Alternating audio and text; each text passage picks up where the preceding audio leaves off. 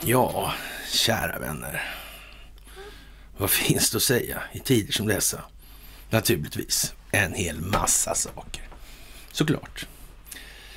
Det är fredag.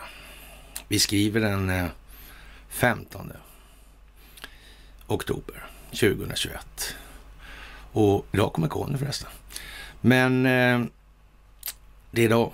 Då är det dags för ett eh, fredagsmys. Ja, det är ju en del att ta i om man säger. Det kan nog kanske ingen ha missat. Så vi börjar att tacka er för det ni gör. För att ni hakar på, för att ni utvecklas. Det är ju fantastiskt det här. Det måste man erkänna för sig själv. Det är helt otroligt glädjande och eh, det behövs i det här läget. För det kan vara aldrig så deprimerande att eh, se sig om i omgivningen. De där 80 procenten, de är rätt så rejäla, speciellt i det här landet skulle jag vilja påstå. Det här språkvård, medial påverkan och fan i mig inte minst utbildningsväsendet har ställt till det på ett sätt som jag vågar påstå saknar motstycke i den moderna världens historia i vart fall. Det har gjorts med kirurgisk precision ska man lugnt konstatera i det här läget. Tack för att ni skänker gåvor på Swish och Patreon. Tack för att ni fördjupar er på karlnorberg.se och tack för att ni hakar på Telegramtjänsten givetvis. Det här är en fantastisk resa vi får göra tillsammans och eh, vi är ju så att säga vid det svenska smörgåsbordet är vi framme nu. Nu kokar det ihop lite grann. Va? soppa är ju inte det vanligaste på de här smörgåsborden annars, men idag så kokar det ihop till en salig blandning i vart fall. Och allting hamnar på samma adress vad det lider. Jaha, det var inte personliga Persson som bjöd in Putin, utan det var statsministern Stefan Löfven som personligen bjöd in olika förmågor till den här lilla konferensen man hade i Malmö, eller kanske fortfarande har, men det vet vi inte, för det är ingen som är så intresserad av det där helt enkelt. Och när det gäller då de här världsledarna som bjöds in så var det nästan ingen som kom då.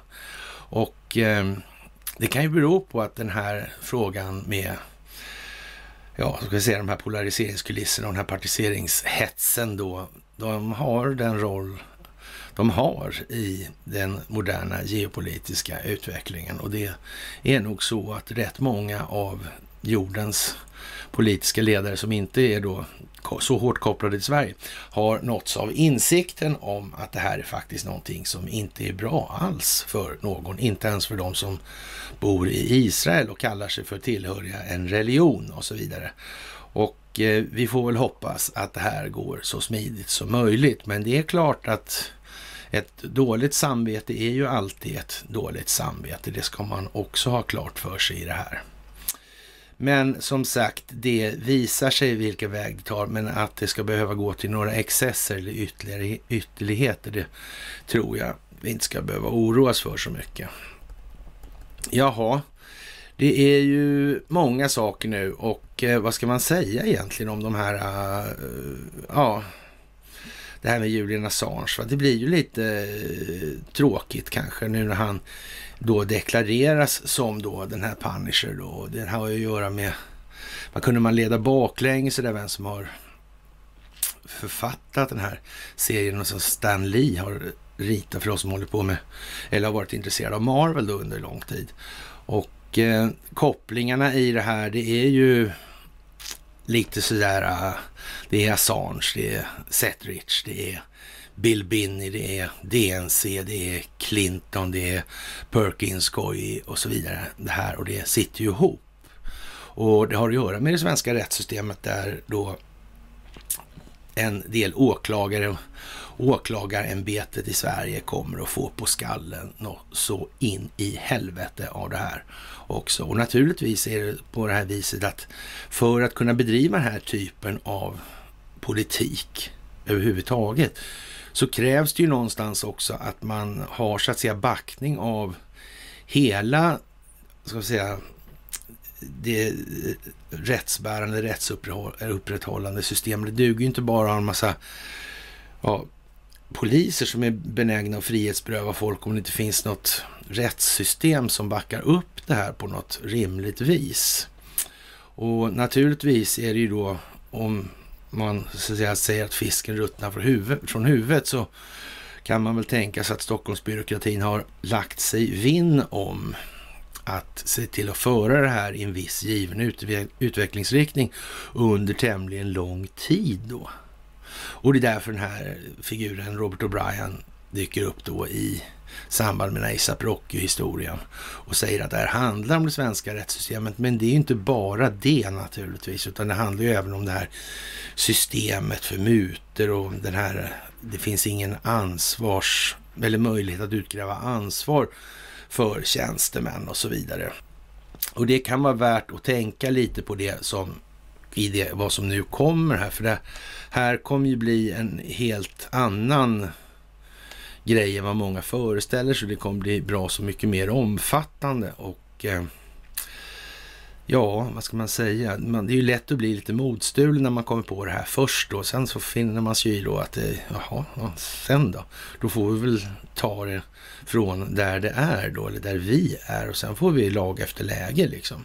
Och försöka höja eller öka djupet på planeringshorisonten hela tiden. Och nu har vi ju så tacksamt då att vi sitter där vi gör. Alltså vi sitter ju liksom, vi vet ju vad vi ska. Va? Det är ju inga, vi gör ju inga ja, tvärstick i endera kursriktningen sådär alltså. Utan vi vet ju faktiskt vad vi ska och nu börjar ju resten av världen också förstå att det är på så vis. Det är ju liksom inte så att det här med telekominfrastruktur och kraftförsörjning och de här bitarna som vi har tjatat oss, eller tjatat er tårögda på, ska jag säga, tårögd leda. Det är ju inte sånt som eh, andra länder håller på så mycket med. Och samma sak det här med det valutafinansiella systemet. Det är ju fortfarande så att när det gäller då så att säga, den värderingsgrunden eller de känslomässiga värderingar som ligger till grund för olika situationer eller ja, typer av opinionsbildningsklimat i olika länder då, så är det en väldigt stor grej precis som i Sverige. Men samtidigt börjar det bli så absurt här i Sverige så att folk börjar förstå alltså. Och, och det här är ju någonting som man från mediernas sida är tvungen att haka på nu helt enkelt. Det är av tvång alltså och ingenting annat. Det är stacklat som vi brukar säga, eller plägar säga. Jaha, och efter en dramatisk exit så har USA bestämt sig att återvända till Rådet för mänskliga rättigheter och det här. Och det kan man väl tycka UNHCR då, eller HRC då. Och eh, ja, vad ska vi säga? Det verkar ju nästan som att det är någon form av reformagenda som ligger till grund för det när det gäller FN då. För det är som vi har sagt, och vi måste ju ha en del överstatliga organ kvar för att motverka de här globalisterna. Och det är globalisternas roll i det här, det har ju naturligtvis varit den rakt omvända. De har ju sett till att etablera de här överstatliga organen med viss naturlighet för att underlätta sin egen verksamhet och genom de överstatliga organen påverka respektive länder så att de inte kommer undan. Man syr ihop ett antal regler och sen börjar man picka på de här olika länderna i olika sammanhang så här för att liksom se till att nu får ni anpassa er det här för det ska passa och sen kör man då och lanserar det här under till exempel fri handel eller ja, demokrati och fredsutveckling och en massa olika ekonomiska storartade teoribildningar naturligtvis. Och till hjälp av det har man alltså de här rena opinionsbildningspriserna då till Nobelpriset till exempel eller Pulitzerpris eller så här. Det är liksom ingenting annat. Det är för att så att säga människor ska ta till sig det här. Det är extra fint och man har den här systemet ja, vetenskapliga artiklar publicerade i olika väldigt högt aktade eh, ja, vetenskapstidningar då. Och det är naturligtvis ingenting som den djupa staten har missat. Och det kan man ju säga så här, det var väl ingen slump kanske att Glenn Maxwells farsa köpte just en sån tidning. Det kan ju funnits en tanke med det menar jag. Han hade ju inte bara att hålla på med hållhakar, han skulle göra lite annat också. Såklart, och där står vi nu när det här ska börja vecklas ut ordentligt. Och eh, forskare dödshotas efter intervjuer om covid. Och det är ju lite lustig hållning i den artikeln från Omnis sida beroende på att man inte riktigt pekar ut vilken sida som egentligen de här eh, forskarna som uttalar sig är på. Är de för covidiotin eller är de ifrågasättande av covidiotin i det här? Så det blir lite annorlunda helt enkelt. Det får var och en tänka efter själv på helt enkelt. Och Amazon i Indien anklagas då för att ha kopierat populära varor som man sen har sålt. Och det här med immaterialrätten, det är ju naturligtvis ett aber i de här sammanhangen. Det är det ju. Och hur, liksom, vilken typ av begränsningar och vilken omfattning ska det här egentligen... När blir liksom, varför är det inte patent redan på... Ja, ord finns det ju, så att säga, varumärkesskyddade, det är uppenbart. Men när blir en meningsbyggnad till exempel, eller när blir det ena, var går gränsen liksom? Sådär. Och det är som vanligt med det här, det är språket. Det är hur vi kommunicerar våra värdeladdningar i informationen. Och det här har man tagit fasta på in absurdum såklart. Och Sverige är inte minst framme med tassarna i den syltburken. Facebooks försök att stoppa läckor har läckt ut och det blir ju någonstans det här att eh, enskild nytta mot allmän nytta. Det är ju det. Det spelar ju egentligen inte så, så stor roll alltså vad Facebook säger i de här sammanhangen och gör. Antingen är bolaget främst enskilt nyttomaximerande eller också är det inte det. Det är ju det. Och när ska då den öppna kommunikationen eller den allmänna kommunikationen begränsas av enskilda nyttomaximeringsintressen. På vilka grunder ska det ske?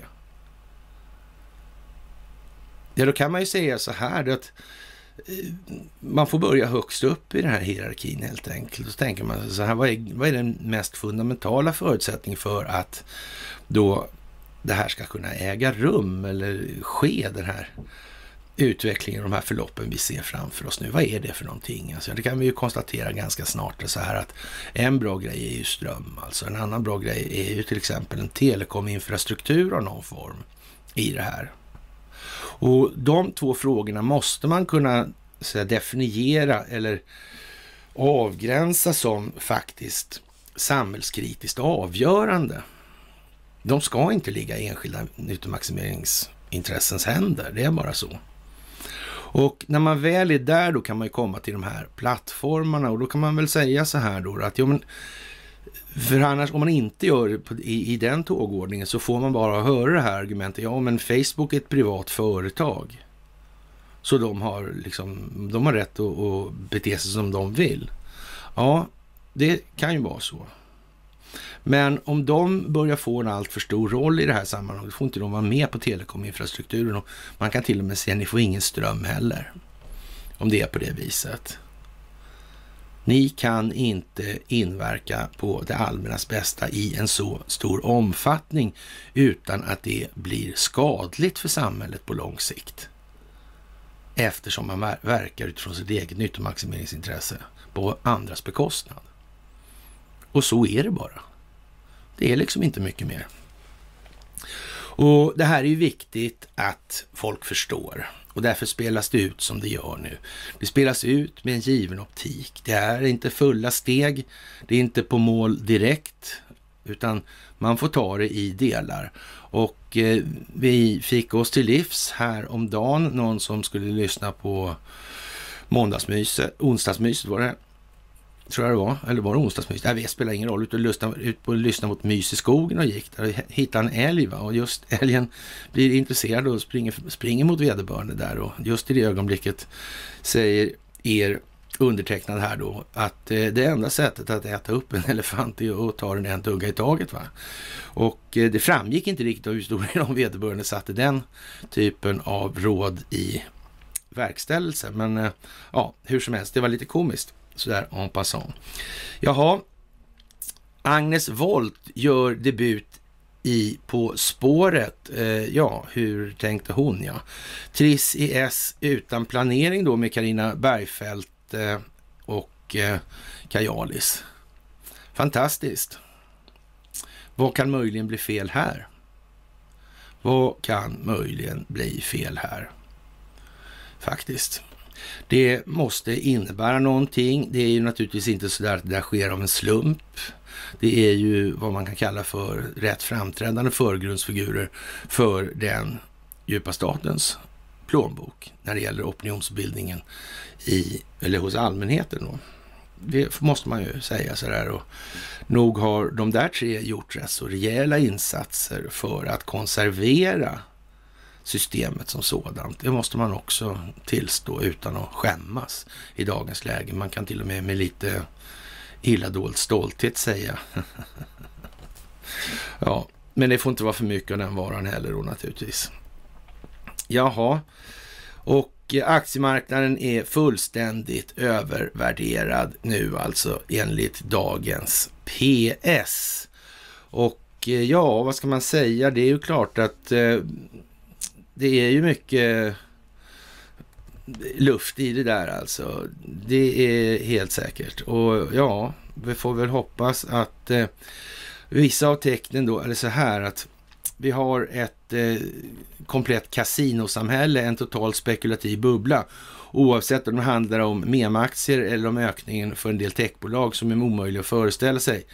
Och eh, man menar att vissa tecken på aktiemarknaden idag liknar om man såg, man såg vid 00-talets början och då föll Nasdaq med 82 procent och man pekar på att många företag går med förlust samtidigt som deras aktier säljs till ett rekordhögt pris. Och ja, några exempel på det här är ju då, ja, vad ska man säga, GameStop och AMC och eh, techtunga Nasdaq Composite har gått upp mer än 12 procent det här året och låg i september inte långt från sitt rekord.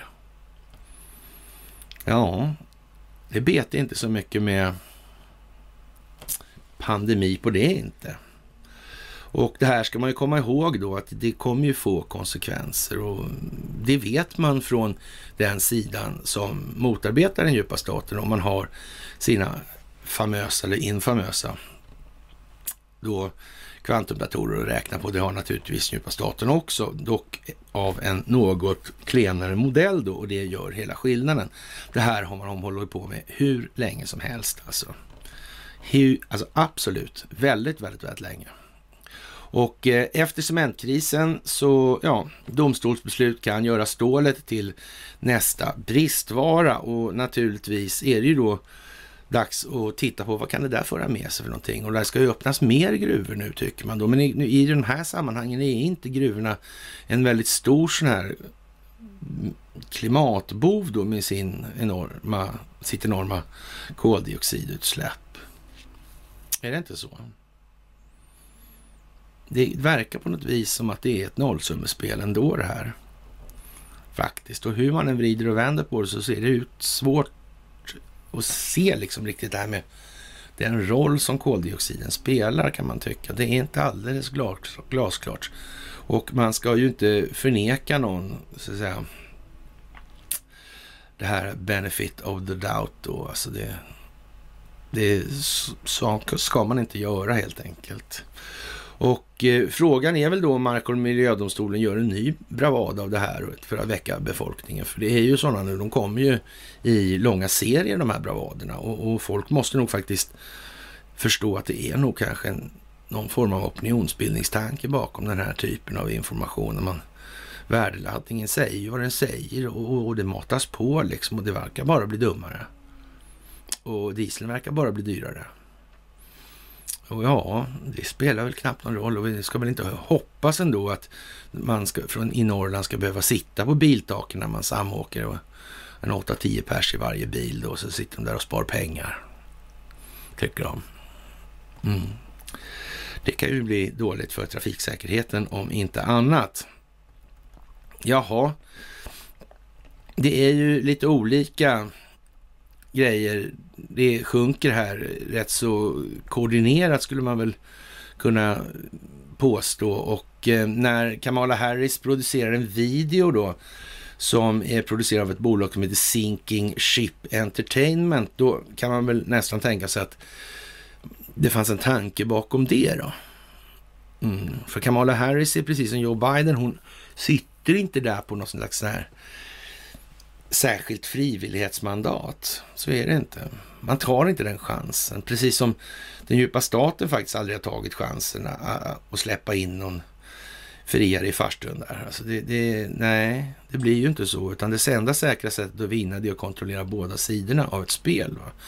Så när inbrottet kommer, eller vad vi ska kalla det för, i den här hegemonin så kommer ju det med fördel högt upp alltså i den verkställande delen av den djupa staten. Och det är alltså USAs underrättelsetjänstkollektiv och amerikanska utrikesdepartementet först och främst som har bedrivit den typen av verksamhet och varit, precis som man har beskrivit från amerikansk sida, då, utsatt för, ja, vad ska man säga, de har blivit lurade helt enkelt och eh, alla har inte förstått det där riktigt.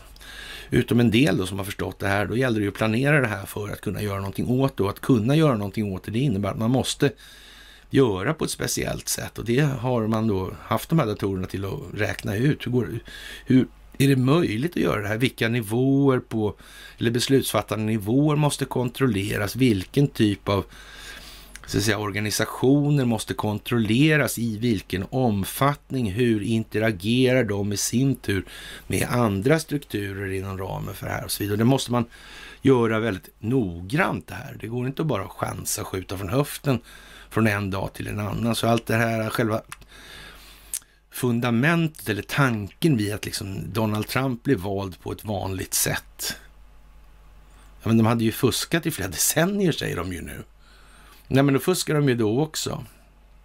Mm. Så var det ju, naturligtvis. Mm. Och det här har varit under uppsikt under lång tid. Ah, alltså, det har funnits många amerikanska politiker i de lagstiftande församlingarna där som har invänt mot den här typen av röstsystem. Och helt plötsligt bara så vände det. Ja, de hade kanske inte begripit så mycket. Faktiskt. Möjligtvis kan det vara så att de hade begripit och gjorde det för syns skull. Det ska man väl inte heller utesluta naturligtvis. Det kom upp en intressant sak i flödet om prins Karls uppfostringsinrättning och fosterbarnen på Gålö. Det här är ju någonting som har levt sedan länge, lång tid tillbaka och eh, eller som gammalt som man säger i Indien. Och det här är naturligtvis någonting som inte heller har undgått den här typen av verksamhet som den svenska samhällsapparaten består av. Naturligtvis inte. Och ja, det där är ju väl värt att gräva i. Alltså det finns en hel del lustiga delar i den faktiskt. Det handlar om Gålestiftelsen då, som har blev, blev då så att säga den ja, bärande delen där och blev tämligen förmögen också med tiden. Och Eh, det finns kopplingar till, ja, ska vi säga, det finns militära skolor. Och där kan man väl säga i de här sammanhangen att där kanske det finns lite roligt detektivarbete att göra för de som faktiskt tycker om att hålla på och snoka i det där med ordensväsen. För där kan man säga att där kan det finnas lite roll kvar i det här. Och, och, och titta på och sådär. Och som sagt, vi, vi ska tänka på en sak i det här. Det är att Flickan med draktatueringarna av Stig Larsson där, den är nog inte skriven bara sådär helt fritt ur fantasin. Han har ju faktiskt säkert kunnat någonting och haft en aning om någonting i och med att han skrev de här böckerna. Kan det vara så? Kanske det kanske. Vi får väl se hur det kommer fram i alla fall. Lavrov, han tycker i alla fall att, eh, ja, det är ju eh, så här liksom lite eljest med EUs utrikespolitik, alltså det här med att stanna utanför vårt Afrika. Och eh, sen så, ja, förklarar han då att Moskva har ingen roll i de här legoknäckt-fasonerna som bedrivs överhuvudtaget. Och det behöver man inte ha heller. Det är ju legoknäckt-företagen. Och det är väl ingenting som är annorlunda med dem än vad det är med Erik Prins, den här Blackwater Academia och de här. Det är ju liksom samma sak då. Så jag, ja, men i alla fall. det kan man väl säga så här. Uttalanden som jag är den första här och eh, det är min plats, gå bort. Det här är djupt förolämpande tycker Lavrov. Alltså, det här är inte termer som man bör använda med någon annan alltså. Wagnergruppen blev ryktbar i media under de senaste åren efter att ha tillhandahållit legosoldatarbete i Syrien och en handfull afrikanska länder. Gruppen har också enligt uppgift utfört, utfört utbildning, säkerhet och terrorism i Sudan, Centralafrikanska republiken, Madagaskar, Mosambik och Libyen även om dess arbete i Afrika beskrivs av Washington som ett ondsinnat inflytande, har ironiskt nog liknande amerikanska och brittiska företag, bland dem Akademi, Aegis och G4S och så vidare, det finns ju i Sverige där G4S också, kontrakterats av det amerikanska försvarsdepartementet och CIA för att utföra militära uppdrag utomlands. Och då är det ju frågan, liksom, vad gör den svenska militären egentligen om det här får, håller på på det här viset? Samarbetar man med de här organisationerna? Gör man det? Eller är det någonting ännu värre det här? För uppenbarligen har det ju att göra med de här naturresurserna, utvinningskoncessioner och sånt här. Det har att göra med muter, det har att göra med Sida och så vidare. Kan det vara så illa? Kan det till och med vara värre? Ja, det kan det vara. Det kan vara mycket värre och det kommer att visa sig att det är mycket värre. Det är helt jävla säkert. Jaha, och det blåser som man kan höra här nu. Och naturligtvis, det är mycket vatten i älvarna dessutom. Så elpriset måste upp helt enkelt. Och ja, vad ska vi säga om det? Det är ju lite originellt ändå, va? Är det inte det? Tycker jag. Jaha. Det är Japans parlament är upplyst alltså. Eller upplöst menar jag. Och det är lite intressant faktiskt ur en rad olika perspektiv. Och vi skriver så här alltså. Ett nytt kapitel ska nu skrivas i Serafernas historiebok. Och eh, det är en slags änglar det här alltså. Och eh, både Yoshito och Hiro, Hirohitos eftermäle kommer att bli mycket annorlunda, precis som för institutionen själv som snart antingen kommer att försvinna eller börja verka för landet och befolkningens bästa. Och ja, den här nya då, Kishida, den nya ja, premiärministern, han hoppas då på ett nyval då den 31 oktober. Nu verkar det faktiskt så här som att det är väldigt mycket som drar ihop sig runt i slutet på oktober. Väldigt mycket alltså. Lite speciellt nästan sådär. Jaha, och han upplöser parlamentet för att hålla nyval 31 oktober där han hoppas få japanernas förtroende genom valurnorna. Och då undrar ju vän av ordning, är det med valfusk eller är det inte med valfusk? Och till ledning för det kan man faktiskt ta och titta på den här fina utmärkelsen som Sverige delar ut då, Serafimerorden. Och ja, de här familjen Hirohito som har haft det där som jag berättade om och så vidare. Men det är en hel del andra rätt så lökiga typer som har fått den där också av någon anledning inte så där förnämliga som japanska kejsarhuset. Nej, nej, nej. Det finns annat också. Benito Mussolini kanske, eller något sådana. Det kanske inte gör något, nej. nej. På tal om Italien och i Vesuvio finns så mycket sump, kan inte bara vara en slump och så här va. Ja, och tillsättning av honom och han var där i hundra år, Eriksson. Och det var alltså, ja, 2018 alltså. Mm. Ja, ja. Mm. Men man kan väl tänka att det där är som det är helt enkelt. Jaha, och eh, det här med investerarna hade man för, särskilt fokuserat på den nya premiärministerns ekonomiska politik och då primärt den nya kapitalism som Kishida förespråkar. Ja, man vet ju inte. Vem vet om eh, den djupa staten inte åker på lite språkvård här på upploppet ändå. Va?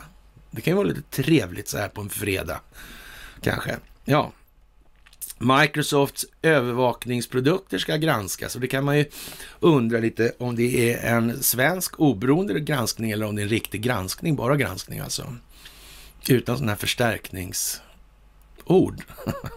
i omgivningen som måste finnas där av en anledning som ingen fattar varför man behöver förstärka det goda hela tiden om den ändå ska göra sitt jobb. ja. ja, ursäkta. Ja. Jaha, det är lite sådär faktiskt måste jag säga. Regeringens elsatsning, mer vindkraft till havs, tycker då Ygeman. Och Boreas Drygeman, han har talat på ett extra serafimiskt vis, drog vi till med det för att vara lite kaljäriska. Och eh, regeringen tänker satsa på havsbaserad vindkraft för att säkra den svenska elförsörjningen. Det meddelas energi och digitaliseringsminister Anders Ygeman vid en pressträff för att underlätta etableringen av vindkraften. Ger regeringen nu Svenska kraftnät i uppgift att bygga ut transmissionsnätet till områden i Sveriges sjöterritorium. Trots att Sverige exporterar mer el, mer el än på länge så ser man ett ökat underskott i de södra delarna. Det verkar precis som att det är någon sån här omfördelningspryl i det här då alltså. Det verkar ju konstigt. Det, det, kan väl inte, det måste väl ändå vara så att den, den här energin kan kanaliseras på något vis.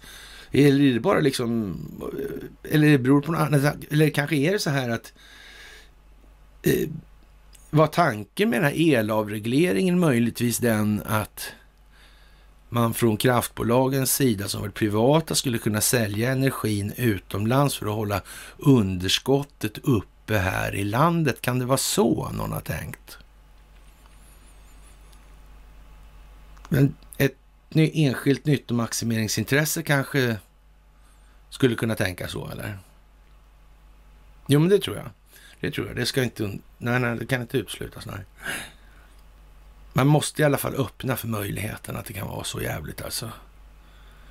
Själva elavregleringen. Och jag vet inte om det är så här, eh, de här nätavgifter och de här grejerna. Och, är det inte det, vem har betalat det där egentligen? Är det liksom var det här någonting som var privat från början då, eller hur var det här egentligen? Ska de här funktionerna egentligen ligga hos enskilda nyttomaximeringsintressen? Det blir, kommer ju bli en klyscha det här, och då kommer ju alla skrika kommunism och ja, det där med kommunismen kanske man ska ta reda på vad det är för någonting innan man öppnar käften i den riktningen helt enkelt, eller låter käften löpa framför tanken då, eller fingrarna mot tangentbordet i förekommande fall då. Jaha, ny elproduktion i södra Sverige är central och här kommer havsvinden att spela en viktig roll, säger Boreas Drygman. Och eh, jag vet inte riktigt om det här är värt att ta på allvar på det sättet. Det börjar komma ner på den nivån att eh, det måste gå tämligen fort här nu faktiskt med det här med att folk förstår att det där är ju rena skiten. De kan väl för fan inte exportera ut elen härifrån. Ja, det säger ju bara de här, det kan, inte vara, det kan inte vara så att det ska vara enskilda nyttomaximeringsintressen som styr det här, för de kommer ju så att säga kanalisera elen där de bedömer sig få bäst betalt. Såklart. Och då sitter ju landet i en gisslansituation även där. Då bestämmer ju de allting. Det är liksom ingenting att diskutera och så kan man inte ha det om man ska bygga ett samhälle. Det går faktiskt inte. Jaha, och eh, det är mycket om historia som kommer upp nu. Och det är många olika aspekter på det här och det är mycket vikingar som vanligt. Alltså de här vikingarna dyker upp hela tiden och egyptierna dyker upp titt och tätt också. Och man har konstaterat då att de här vikingarna har varit i farten både ja, väldigt lång tid innan vad man har förstått tidigare. Och så att säga, ja, som sagt, tänk om de kunde röra på sig. Tänk om någon kunde orientera sig efter stjärnbilderna till sjöss till exempel.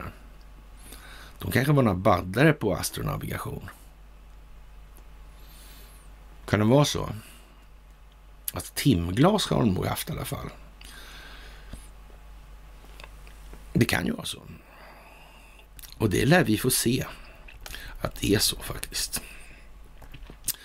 Jaha, och Amazon tycker att eh, ja, det är dags att tillåta att, eh, eller rättare sagt, att anställda arbetar hemifrån eller på avstånd på obestämd tid alltså. Då är det inte så mycket status att jobba på Wall Street. Nej. Blir det en annan advokat som tycker det är lite tråkigare av advokat. Helt säkert. Det är ju lite märkligt det där, är det inte det? De här ekonomierna som är nu. Rena luftslotten.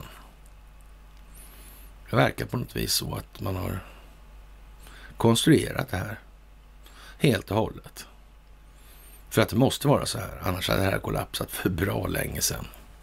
Ja, högre och högre skuldsättning i tätare och tätare, eller högre densitet på den då skuldsättningen. Det är ju som det är helt enkelt. Det har varit nödvändigt.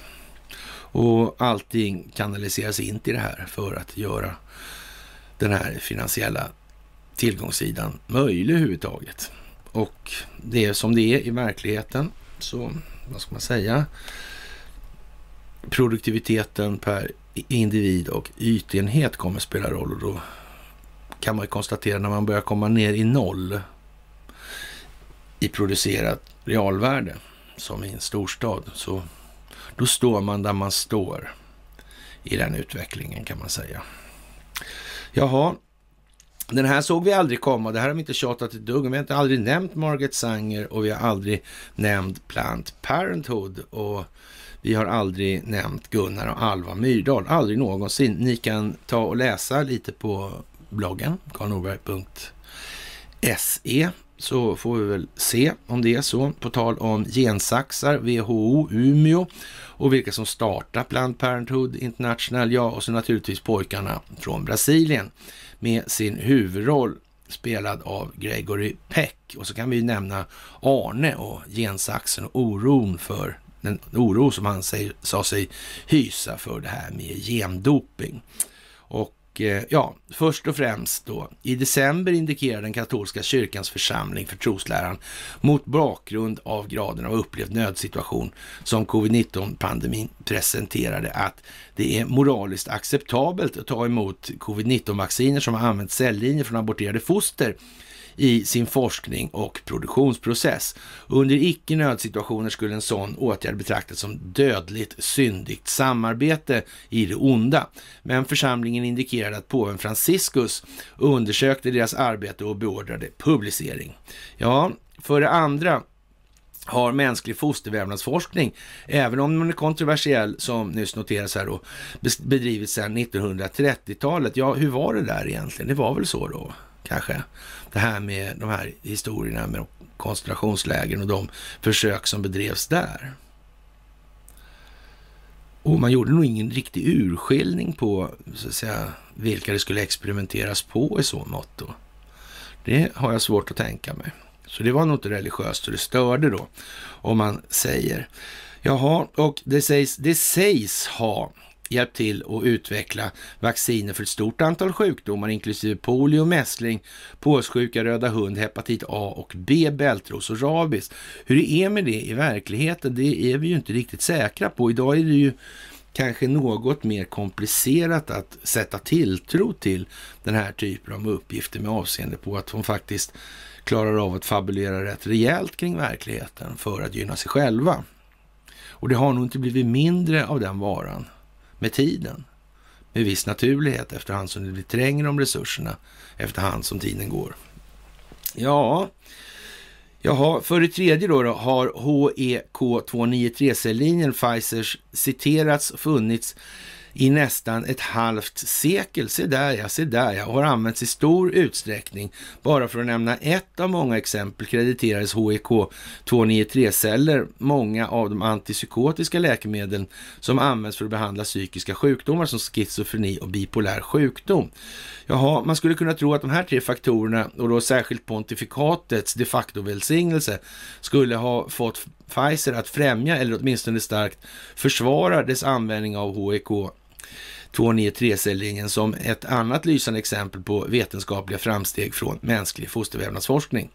Detaljerna om HEK 293s brutala och från alla perspektiv, ur alla perspektiv tills mycket nyligen i stort sett ouppklarade ursprung förklarar företagets djupa obehag.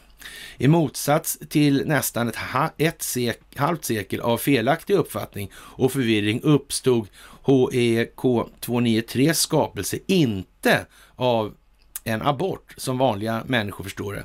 Eh, en mycket ny utveckling eh, bekräftar det här då, då. Och i augusti gjorde University of Pittsburgh ett effektivt och fruktansvärt erkännande. Center for Medical Progress som var tvunget att ta hjälp av Judicial Watch innan universitetet kunde skulle svara på begäran om frihetsinformation förklarade att skolans Goodmap, Gudmap, på svenska blir det då, ja, i, i sammanhang genforskning och såna här grejer, så i, i ja, det, det, här betyder ju något annat då, naturligtvis. Eh, Genito Urinar, Urinary Development Molecular Anatomy Project. Så, men på, om man säger gudmapp, det kan man som svensk få till något helt annat, lustigt nog. Och dessutom verkar det vara en del svenskar insyltade i det här sedan lång tid tillbaka, eller sedan gammalt som man så säger i Indien. Ja, det här är ju med hjälp av områdets ledande entitet Plant Parenthood som abortleverantör. Det gällde då alltså det var att låta spädbarn, en del av livsduglighetsåldern, levereras levande och sedan döda dem genom att skära ut njurarna. Eh, ja, det är ju världsklass naturligtvis. Då, man kan ju inte kanske bli sådär jätteförvånad att det förekommer organstölder i samband med krig och oroshärdar. Det får man nästan när man är på det här bogen då, liksom. Hon har hållit på sådär sedan 30-talet. Ja, men då är det ju nog som det är. Ja. Det kan man tänka sig att då, då, då, finns det inte så många gränser för vad man är beredd att göra för att tjäna pengar. Sen säger man naturligtvis att det här är för allas bästa, men uppenbarligen inte riktigt alla ändå kanske ändå. Då. Jaha, och eh, ja, alla som läser den här artikeln borde säkert hålla med om att en bebis levande levereras levande ska dödandet inte längre betraktas som en abort. Alltså. Att döda en förlossad levande bebis är lärobokens definition av barnmord. Det är ju liksom så. Men, men, men har man ett projekt som heter Gudmapp alltså. Ja, de kunde ju inte skriva Godmap. Det hade väl fan blivit fel i alla fall. Ja, Jaha, vad ska vi säga? Pitts forskare och Pittsburghs forskare och Planned Parenthood fick tillgripa, tillgripa detta hemska slaktverk eftersom det är det bästa och troligen enda sättet att skörda vissa användbara kroppsdelar, särskilt njurar. Att skörda livskraftiga njurar kräver kontinuerligt blodföde, vilket i sin tur kräver ett bankande hjärta, eller bultande hjärta. Mm, vilket i sin tur kräver att barnet lever, eller åtminstone nästan alltid utför, utanför livmodern när njurarna tas bort. Ja, vad ska man säga? Fantastiskt. Men som tur är så har inte folk i, eller några svenskar, så att säga, någonting att göra med sådana här saker överhuvudtaget. De har inte startat till exempel Planned Parenthood International och det här. Och inga eh, pride-rörelser och sånt här. Det är inte grundat där och sen har man naturligtvis lagt ut det för att det ska se ut som det är något annat mellan varven. Men det är ju som det är. Och det börjar man upptäcka i omvärlden nu. Det har man upptäckt för länge sedan, men nu börjar man opinionsbilda för den allmänna förståelsen i saken på ett helt annat sätt än tidigare. Riksrevisionen, det är ju den där berömda enheten där, ja, vad ska man säga, som inte upptäckte att Sida saknade bokföring under systrarna Enboms tid i alla fall. Eller deras fars tid där. Och det kan man väl tänka sig att det fanns en anledning till det. Det har ju hållit på länge det här alltså. Och då behöver man en riksrevision som gör den den ska eh, och inte gör något annat helt enkelt. Nu har de i alla fall kommit fram till att regeringen brister i självmordsarbetet och det kan man ju tycka är lite eh, speciellt i det här. Och, och, frågan är väl då om verkligen Riksrevisionen vill komma till rätta med självmordsstatistiken och det här. Eller kanske det är ett utmärkt tillfälle att, att sälja psykofarmaka eller rent av operera in olika elektroniska komponenter i människan för att hantera det där.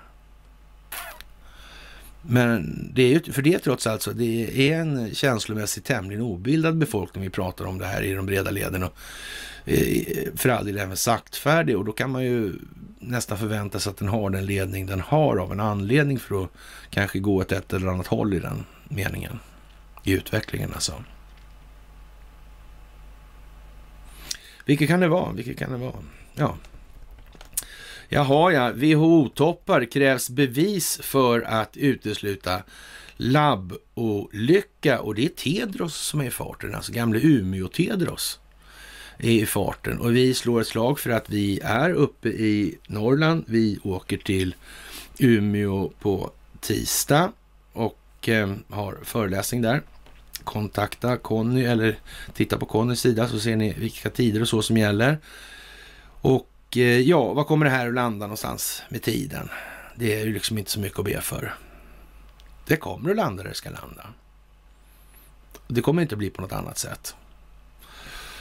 Och ja, det är bara att hålla i hatten helt enkelt. Och en intressant grej, vad kan komma ur den här nya Black Hobbits, Female Heroes and other races in Amazons new Lord of the Rings. Ja, det drar lite blandade reaktioner där och bilden där är lite mm, faktiskt speciell.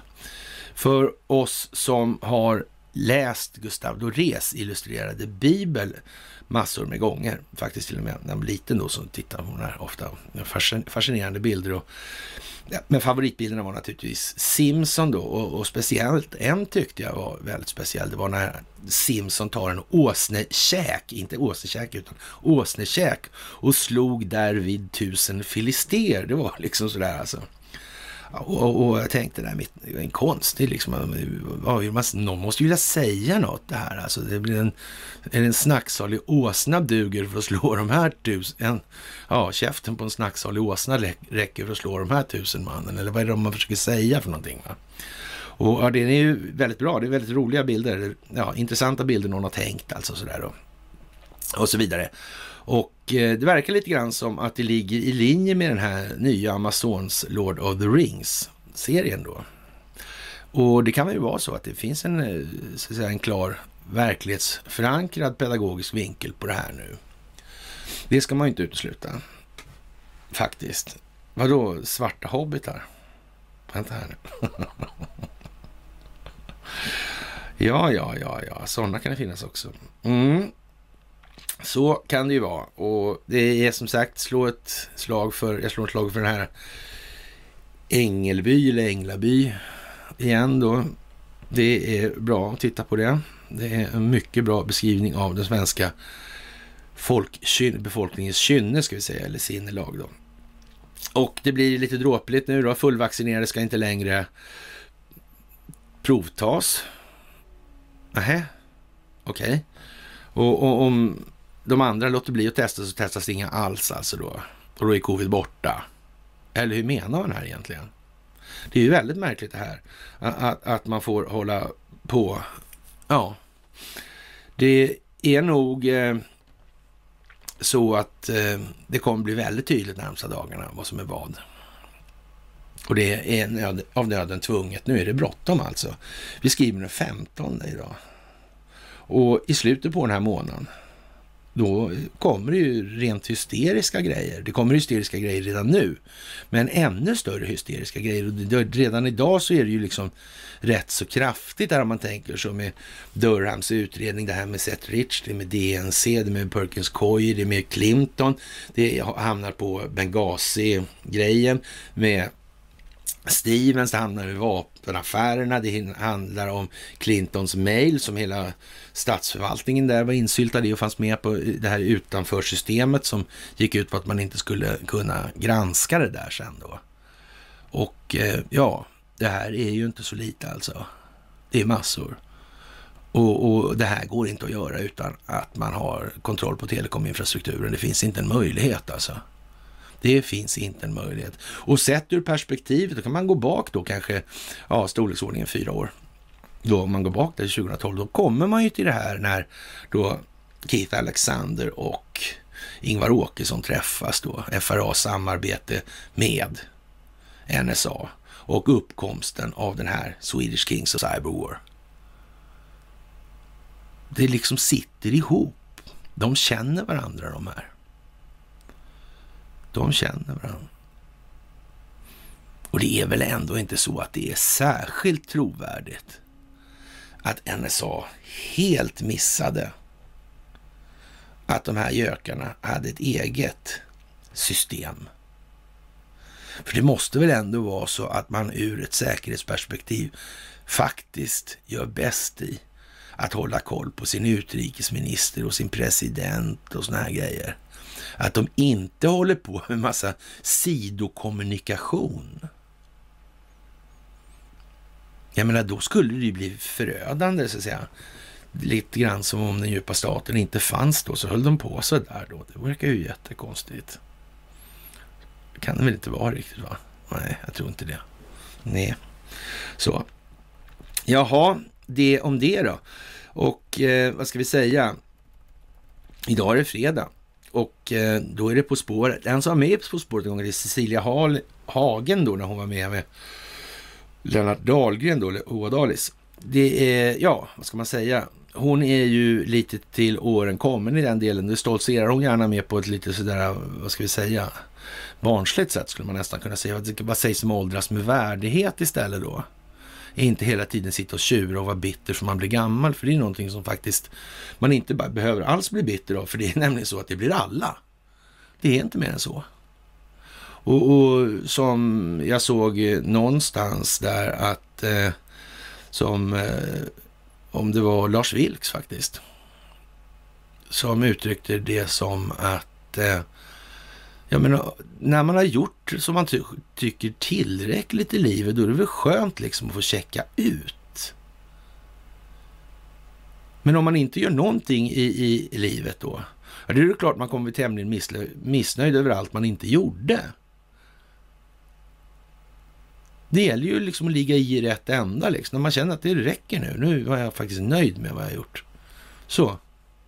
Och det har jag gjort för inte för att gynna mig själv först och främst alltså. På det viset. För då lär man bli sittande där och tjurande för man inte fick den sista kronan också. Sådär. Så det, det är liksom lite självklarheter i det där. Men Cecilia Hagen tycker att det är nästan omöjligt att få komma in på banken och det kan man ju säga är lite speciellt. Och så är det Nordea, Swedbank och SEB som är uppe där. Och eh, ja, det är väl ett val som någon har gjort i bilsättningen kan man säga och eh, vad månde det av det här tro? Har det med banker att göra allting det här? Styr banker en ekonomi som kontrollerar politiken? Jag tror det gör det. Jag tror det har nämnts. Och främst vems nytta jobbar banker för främst då? Det kan man ju konstatera kanske. För ett år sedan på dagen, eller så att säga 13 oktober i vart fall, så ja, då delade vi någonting som lät så här. Kanske begreppet pump and dump är på väg upp i ljuset av verkligheten gällande Nasdaq. Och det vågar väl vi påstå blir exakt ungefär ett år efter vi körde ut det här. Och eh, vi tog det bara i luften förstås, för vi såg det aldrig komma. Vi hade ingen aning om att det måste bli så. Nej, faktiskt. Det måste, det måste bli mer enhörningsföretag och Ja, men luft. Vi sa det tror jag i början. Alltså, kasinoekonomi. Alltså, vad gör de egentligen de där? För någonting? Vad gör de ens? Ja, det kan man fråga sig faktiskt.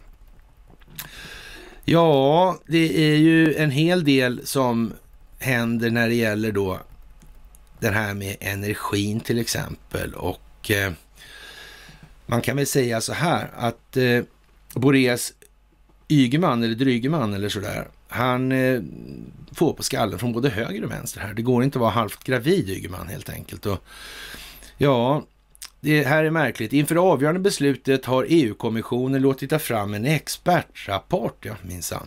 Ja, den blev klar i våras. Den har inte vi hört talas om så mycket ännu, men vi kommer få göra det.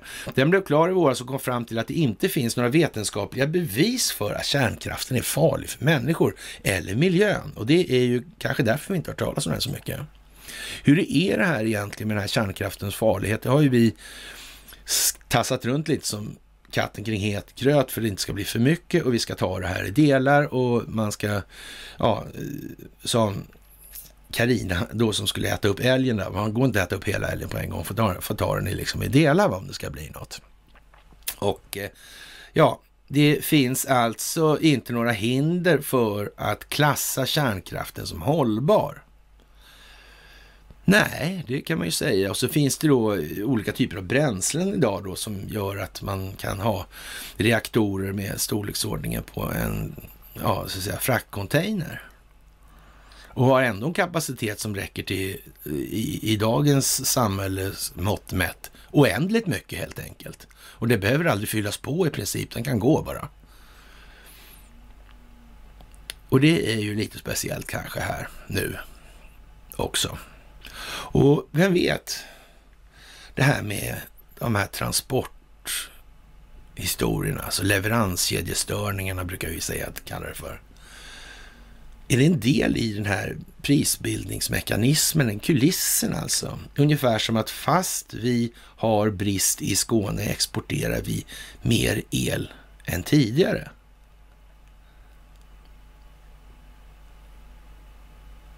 Ja, eh, det är någonting här som inte håller streck riktigt. Och dessutom finns det långsiktigt hållbara alternativ och då lägger vi ner.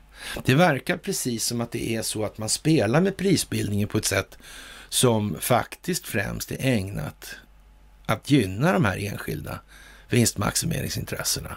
Och då undrar ju vän av ordning, hur kommer det sig att politikerna, politikerna inte reagerar mot det? Svaret är ju högst retoriskt frågat naturligtvis, men man kanske ska ställa sig den retoriska frågan ändå. Alltså.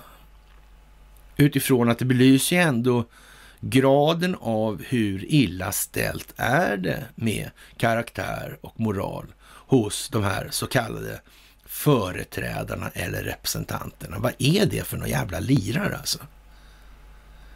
Det är ju liksom århundradets jävla sneseglare och inget annat. Och det de har gått i land på, det är ju att människor liksom, om man tar, om jag tar mig själv alltså. Det var ju ett gäng jävla töntar och ingenting annat. Byfånar ta med fan alltså. Det var inte som man bevärdigade dem en blick ens alltså. Eller rättare sagt gjorde man, på Pinsi gjorde man ju inte det liksom. Man tittar ju, man tittar dem i pannan om det var så alltså. Som man tittar hunden i pannan liksom. Ja, lite barnsligt på den tiden, men äh, ja. Och, och, det här är ju liksom, de har ju gått loss på det här. De har klarat sig, men det har gått klart. Det borde det aldrig ha gjort. Det var slött och dumt och dåligt. Att inte ta tag i det här och ställa sig upp och ställa sig, fan, vad är det här för jävla skit liksom? Så här kan det inte gå till. Håll näbben stängd och lyssna nu ska du få höra. Det, det är ju liksom, man måste ställa sig upp någon gång. Man kan inte bara, ah, det får någon annan göra. Det duger inte. Det där liksom, det går inte att hålla sig själv för god för att ta tag i de här frågorna. Det är uppenbart. Sverige är ett paradexempel, kanske det främsta paradexemplet på att äh, det kommer någon annan att göra det där. Nej, det kommer ingen annan. Det kommer aldrig någon annan, det är inte en chans. Om alla tänker så, så blir det inte särskilt lyckat alltså. Det blir dåligt, helt enkelt.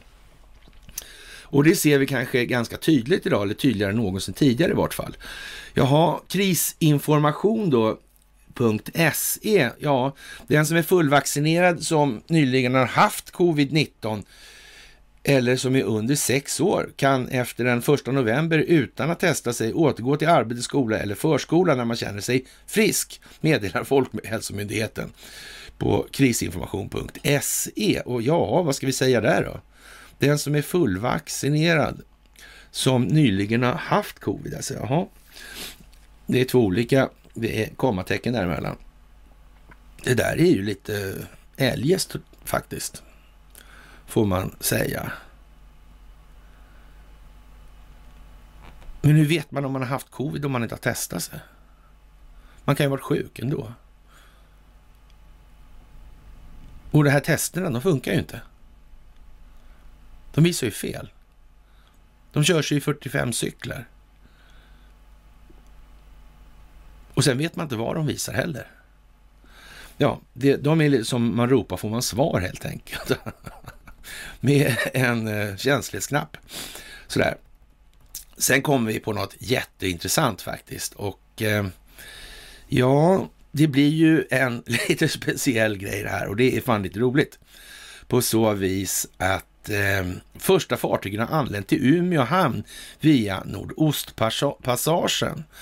Och eh, ja, Umeå ligger ju alltså alldeles lite norr om Smygehuk, va? kan man ju tycka. Men nu är ju kartbilden är ju liksom inte på det viset egentligen. Om man, man säger så här att Mercators karta är ju liksom en... Eh, det är mindmapping kan man säga. Så det är något för att vi ska få en bild som kanske inte är så där...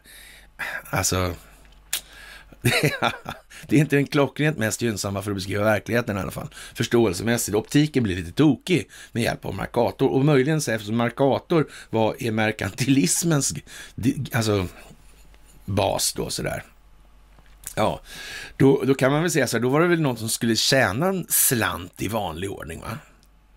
Eller?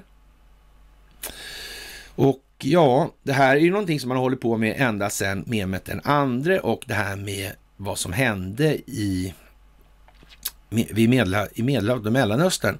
Det här har hållit på rätt länge och nu visar det sig alltså att det går snabbare då om man spar flera veckor då om man åker från Japan till exempel då till eh, ja, Sverige eller Umeå då.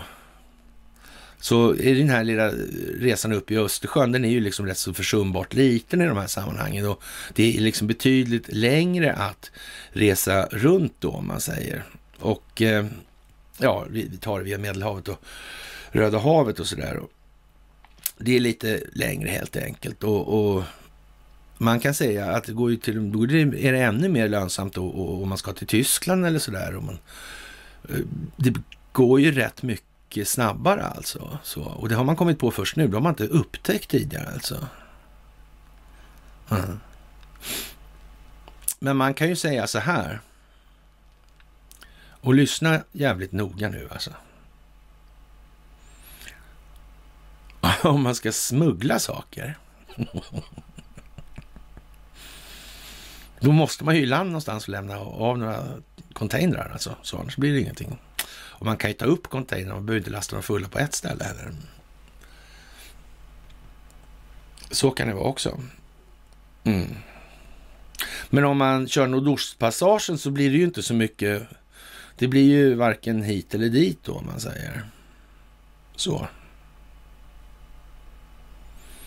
Faktiskt. Det här måste man faktiskt börja fundera på. Hur fan alltså, det går ju att lägga upp lite logistik här alltså. Och om man har den typen av kynne alltså.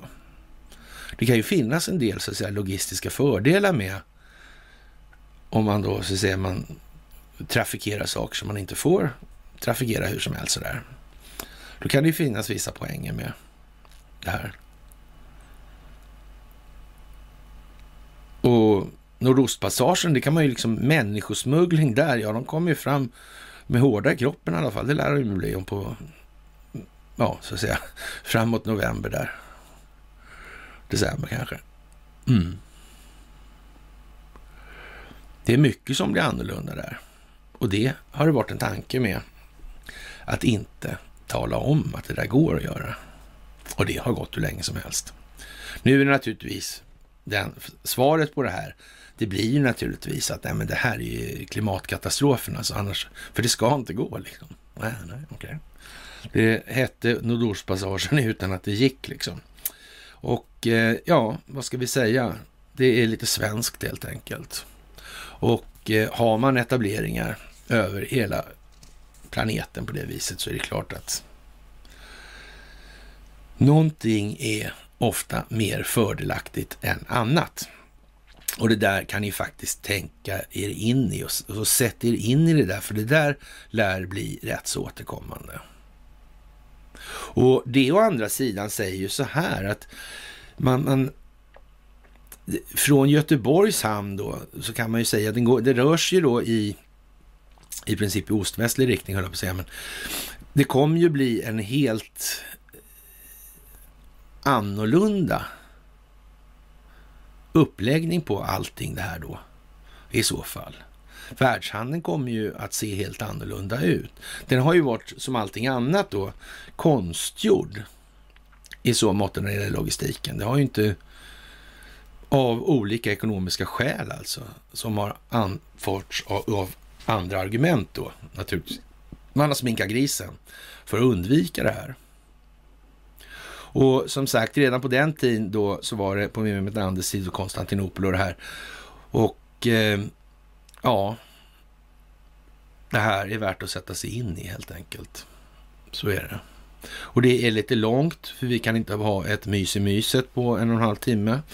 Sådär, men vi återkommer i den saken och lovar att klara ut det här ordentligt också. Vi har redan skrivit mycket artiklar om det, men det kommer vi att göra mer av då. Piloter demonstrerar mot SAS övergrepp på svenska modellen och nu är vi inte in, liksom sådär jätteimponerade av just den här svenska modellen då faktiskt. Men eh, norrmännen tar ju fasta på det här då och säger då faktiskt annars då att eller sa tidigare då att det, om nu SAS håller på och bygger olika små eh, bolagssystem för att slippa följa de här grejerna, ja då är det ju som det är. Men så andra sidan kan man säga också då, inte till SAS försvar, men till ja, det rationella tänkandets försvar så kanske inte den här svenska modellen är särskilt bra som faktiskt har hjälpt till att vidmakthålla det här systemet och faktiskt sett till att det har utvecklats till vad det har blivit nu. Det är ju inte nödvändigtvis så eller ovillkorligt så att det är bara bra. Det är det ju inte. Det är noga räknat inte alls så att det här är bara bra. Ja, och den här modellen, alltså den svenska modellen, det är ju liksom, det är, är någonting som har fötts i den svenska Stockholmsbyråkratins livmoder här. Och det här är gammalt och jag vet ungefär att ni känner till den här liran Axel Oxenstierna och ja, Gabriel Oxenstierna och så vidare. Det här gänget liksom. Ja, regeringen ger därför också 5 miljarder i stöd till SAS, men lägger in ett litet villkor i saken då att man, man, det finns andra som ska skjuta till då. Och där har de andra sagt då att de, nej, men om SAS håller på på det här viset, alltså då finns det ingen anledning för oss i Norge att stödja det här. Och då kan man väl säga så här, om det handlar om att andra ska skjuta till 5 miljarder så skjuter inte då regeringen till de här 5 miljarderna beror på att de andra inte skjuter till. Då kan ju ingen klaga på regeringen, kan Investor inte klaga på det sättet då. Även om de för all del förstår hur det här spelet går till alltså, men det måste ju se ut som någonting också. Optiken måste se ut som någonting. Så, det handlar om optiken i vanlig ordning alltså.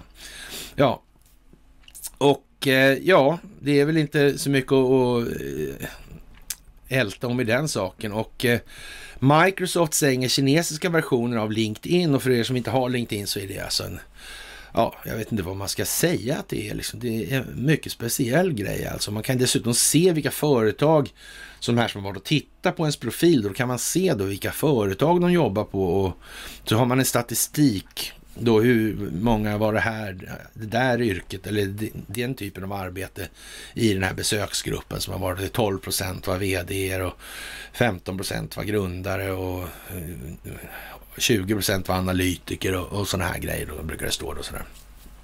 Och eh, det där är ju lite konstigt alltså och, och, det är ju snudd på, man undrar ju lite grann så här att men alla de här människorna som håller på då med det här då och, och det låter ju liksom, man kan säga så här att jargongen på LinkedIn, den är liksom, eh, ja, den är ruskigt svensk i alla fall på den svenska LinkedIn. Kanske med viss naturlighet då, men alltså det är en otroligt jönsig nivå på det här. Ja, osannolikt jönsig alltså. Det, det, är liksom, det är handhjärta och, och styrkekramar i princip alltså. Men det är alltså så jävla töntigt så det liknar ingenting. Ja, och eh, man, man undrar ju då liksom när man själv då kan sitta och titta, så vad fan tittar de inte på det här och då så fattar de inte liksom att det här är ju det är någon form av billig eh, pedagogisk modell för att få dem att fatta att de är liksom utmätta, eller så, så här alltså eh, alltså verkligen kontrollerade alltså. Jätteövervakade. Alltså det går inte att göra det mer tydligt tror jag utan att skriva att det är det man håller på med. Och eh, ja, det är väl rätt så självklart att Microsoft fattar ju liksom att kineserna fattar. Det här är ju löjlig teater. Möjligen är det så att Microsoft aldrig haft något val när det gäller LinkedIn överhuvudtaget. Utan det har alltid varit tanken att det ska bara vara ett pedagogiskt instrument för att människor själva ska förstå att det här plattformarna i sig är övervakningsinstrument i det här. Och det kanske är bra att tänka på det nu. Och, och, det är så det är tänkt från början, men det är naturligtvis inte så det ska vara i verkligheten då framgent. Det går ju inte. Och alla de här konstruktionerna, de här ja, grisläppstiftsargumenten. De är ju liksom vad de är det här med att de har rätt att verka. De har ta med fan ingen rätt att verka någonting. Det är precis som alla jävla musikanter då som ska skydda sitt på internet. De får väl ge fan i att stoppa musiken på internet i så fall då. Det är väl inte mer än det liksom. Det är ju inte svårare än så. Hur, varför ska resten av världen anpassa sig till dem för? Och det, är liksom, det gäller ju samma sak hela tiden i det här. Det där ska vara upp, internet ska vara öppet och fritt. Och det finns ju faktiskt en religion som hävdar då den här kopimismen, mycket bra grej. Så. Och, och jag känner mig verkligen kopimistisk mellan varven i alla fall. Och, och det är rätten att kopiera på internet. Jag vet han, ja, Ingvar Åkesson där, han var väl inte sådär skitförtjust när man höll på med det där då på den tiden. Det kan man ju inte påstå. Och han fattar väl att det här med upphovsrätter kan han bara känna draget efter med tiden. Det kommer bara blåsa runt öronen på honom så han har mittbena liksom. Nu hade han kanske inte så mycket hår på huvudet i och för sig men ja, i alla fall bred mittbena då får vi säga. I alla fall.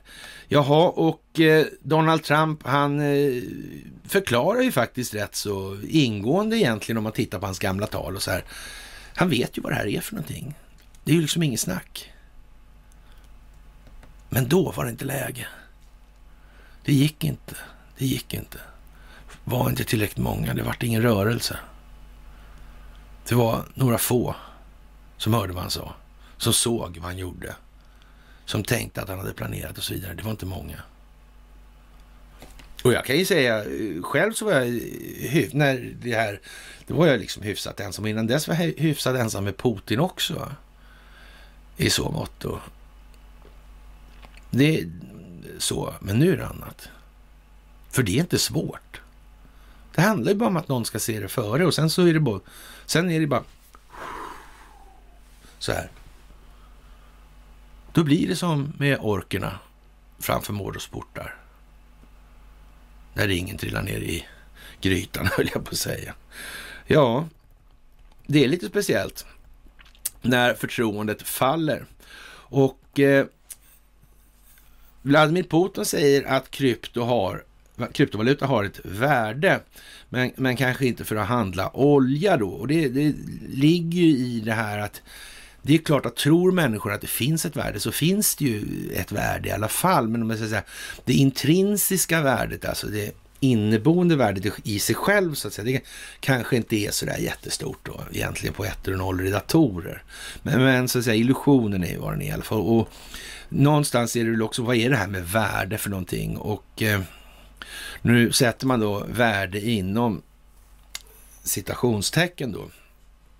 Och det kan man väl faktiskt tänka sig att det finns en anledning till det också då naturligtvis. Och, och om det intrinsiska värdet eller inneboende värdet i räntebelastad skuld som kontrolleras av en enskild part, då, då är det ju vad det är på det sättet det för med sig konsekvenser. Så man får liksom titta på det här ur ett lite vidare perspektiv. Och vad, vad, vad är nytta i det här? Man kan säga att nytta i det här med kryptovalutan, det är ju att det kan ju så att säga minska benägenheten hos statstjänstemän och börja fiffla och greja och låta sig mutas och sen så är skiten igång igen Här. Men, men tanken är väl ändå, ändå en gång för alla nu att vi ska faktiskt försöka ta oss ur det här med att snylta på enskilda nyttomaximeringsintressen för samhällets existens då. För det är precis vad det upplevs som att det är. Och vi måste nog faktiskt acceptera det att samhället är ju det liksom största och finaste som vi har gemensamt tillsammans. Och man kan ju säga så här att det, det speglar ju befolkningen och befolkningens mentala disposition, samhället alltså. Och det kanske inte är så där jävla upplyftande att tänka sig så, alltså, utan då, då kanske man säger så här, kan tänka sig så här att det verkar i alla fall inte vara brist på utrymme till förbättringar. Det är ju inte så, tror jag faktiskt. Det tror jag de flesta håller med om. Och ja, vad ska jag säga? Trist historia det där helt enkelt. Men visst, det kan ju vara bra det här med Alltså, och, och så här, blockchain i sig då, det kan ju vara bra ur det perspektivet att den liksom hela tiden, man hela tiden bokför vad som händer. Då, så, det kan ju vara bra. Men samtidigt är det ju så här, om det här ska eh, användas då i, för vi kommer tillbaka till det här då eh, med, med vad krävs för Facebook och de här egentligen för deras existens? Vad är liksom den fundamentala grejen? Vad är den minsta gemensamma? Alltså vad, vad är det för någonting? Alltså, utan ström lär det inte bli något med krypto alltså. Då är det rätt värdelöst alltså, det är helt säkert. Ja, och utan telekominfrastruktur går inte heller så bra. Faktiskt inte. Så det är frågan igen då. Hur mycket? Och varför? Till vilken nytta? Det blir ju så. Och där får man ju fundera på liksom vad man anser själv. Och men man kan ju säga så här att det, det bästa är naturligtvis om alla ekonomi är fullständigt transparent och alla kan se alla andras ekonomiska hantering. Ja. Men det är ju inte så många som vill gå med på det. Nej. Och varför är det så? Varför är det på så vis? Ja, uppenbarligen är det ju så enkelt att vi tillmäter inte oss själva och vår egen själsliga disposition, våra egna tankar och känslor tillräckligt stort värde för att gå med dem som fana först. Vi är pigga på att ha yttre omständigheter som beting för, för hur vi ser på oss själva. Och det är liksom lite fel ända. Det är lite i fel ända. Men det är inte sagt att, då, att egot saknar betydelse, för det måste vi ha ett för att den biologiska organismen ska fortleva. Det är bara så. Faktiskt. Och eh, det finns en ganska förvrängd historia kring det här och det handlar om den här Narcissus som inte innebar skada för någon annan.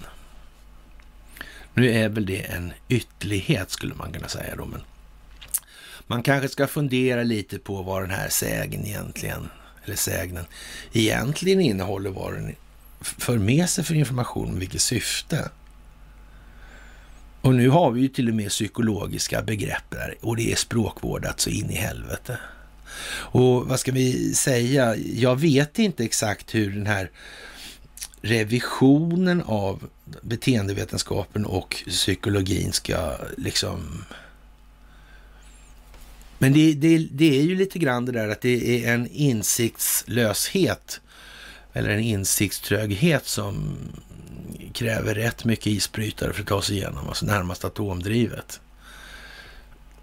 Det är manifesterat så det räcker alltså och det är inte bländande briljans som präglar den stenen, nej.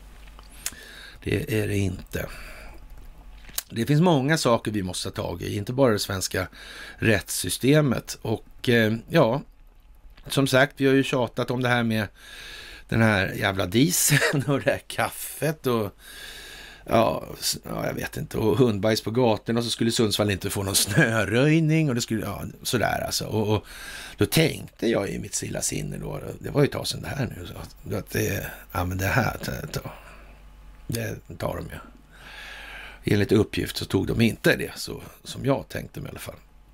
Jaha, flera elbolag slutar erbjuda fasta elavtal är för stor risk och eh, folkbildning.se satte vi bara på det här och det blir ju liksom lite töntigt det här nu när man ska sitta och, och det går inte att sitta med straight face liksom och, och ja, förklara någonting vad det här är för någonting. Det är ju som Ja, nej, det är ju inte aktuellt helt enkelt. Vi bara konstaterar det, men vi får ju se till omfattningen och inriktningen istället. Så att säga, massbudskapet eller masskommunikationen istället. Då. Vad, vad, hur ligger det här egentligen? I, man kan ju säga så här, nu kommer det tio om samma sak som, och alla de här tio är starkare än vad en på ett halvår var på ja, 2010 kan vi säga då. Men de var ju andra sidan, de sköt ju rätt, rätt så kraftigt över trätopparna. Det var rätt mycket over top alltså. Så där, så det, ja, och så vidare. Som sagt, de slutar erbjuda fasta elavtal. Vad sägs om att sluta skicka energin utomlands till att börja dagen med här? Vi klarar i alla fall av att räkna ut hur mycket vi kan ha som minimiproduktion och, så, och, räkna upp den här balansen. Det kan inte vara så där jävla komplicerat, även om man för all del har ju säkert gjort rätt fina modeller för att inte göra det enklare i vart fall. Så. Och eh, det går inte att kontrollera det. Det är precis som det här med vaccin och så vidare. Fler TBC-döda på grund av pandemin och nu börjar det bli lite väl sådär. Och tidigare har det ju inte varit några döda i någonting annat än covid i princip. Mm, det vart ju inte så bra det här kanske. Och i, i samband med att den här revisionen nu ska göras i USA på CDC och av CDC och eh, då blir det väl ganska så säkert på så vis att det blir rätt kraftiga revisioner på hur det här egentligen har varit det här covid-förloppet eller vad vi ska kalla det för när det gäller farligheter. Och det kan man ju tänka sig blir lite tokigt på olika håll beroende på hur man har förhållit sig till verkligheten som då kommer att uppdagas. Det är bra att minnas nu faktiskt. Jaha. Det är tungt vatten till kärnvapen tillverkade i Ljungaverk. P4 Västernorrland tog vi upp en gammal artikel där och vi har ju gjort en massa av de här böckerna liggande där någonstans. Ja, angående det här med Ljungaverk och det här har gått till med tungvattentillverkningen och man holkade ur Gälleberget och gjorde vapenfabrik och omlastningsstation för två tågsätt och så vidare och så vidare, så vidare för att köra några småflaskor så här bara. ja, ja, kanske det kanske.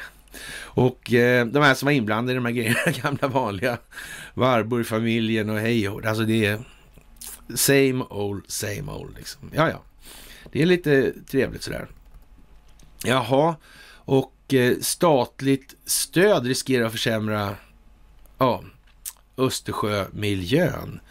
Ja, vad ska man säga? Det här med reaktordriften och, och veckor i vinst genom Nordostpassagen och sådana här grejer. Och, och de här kärnkraftreaktorernas effektivitet eller verkningsgrad. Och, kan det vara så att några älvar kanske behöver släppas på för att möta behovet av näringsämnen i Östersjön. Ja, för de måste ju komma någonstans ifrån trots allt. Eller simmar de in genom de här näringsämnena? Simmar de in genom Stora Bält och, och Öresund då? Sen så kör, håller de lite vänsterkant där längs kusten och sen så simmar de upp då, då liksom i Bottenviken och det här. Eller hur fan fungerar det där egentligen? Det är liksom inte gravitationsbundet på det viset. Ja, för då skulle det i alla fall, då skulle det ändå rinna söderut eftersom det är nedförsbacke dit liksom. Eller? Ja, nej. Ja, ja. Banksys strimlade verk sålt för 220 miljoner spänn. Den här tavlan som pajade på Sotheby's där och jag vet inte Eh, vad är det här värdet för något egentligen då? Varför är den där värd 220 miljoner egentligen?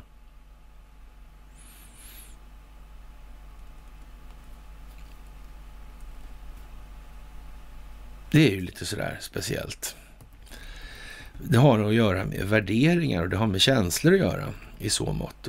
Jaha, den här madammen Svenonius, alltså det är KS-tantan där och hon är ju lite speciell faktiskt. Hon kan ju, hon har det i blodet höll jag på att säga, men i familjen i alla fall. Det här med Stockholms byråkrati, det är i alla fall ingen diskussion och eh, ja, den kritik som en, i en ny rapport riktas mot Region Stockholms vaccinarbete handlar om att regionen valde flexibilitet framför en hård strategi som var planerad i detalj, säger finansborgarrådet Irene Svenonius till SVT. Så nu är hon alltså immunologisk expert också här. Ja, enligt rapporten från revisionsföretaget KPMG var arbetet med vaccinationerna till en början otydligt och ostrukturerat, men rapporten visar också att regionen överlag har nått målen, säger Svenonius. Ja, jag vet inte vad man ska säga om den där tantan alltså. det där är ju lite, hon är lite eljest. Och man får väl nästan säga att eftersom det här då trots allt handlar om Omni så, ja, då får vi väl tänka oss att det finns ett opinionsbildningssyfte bakom den typen av information.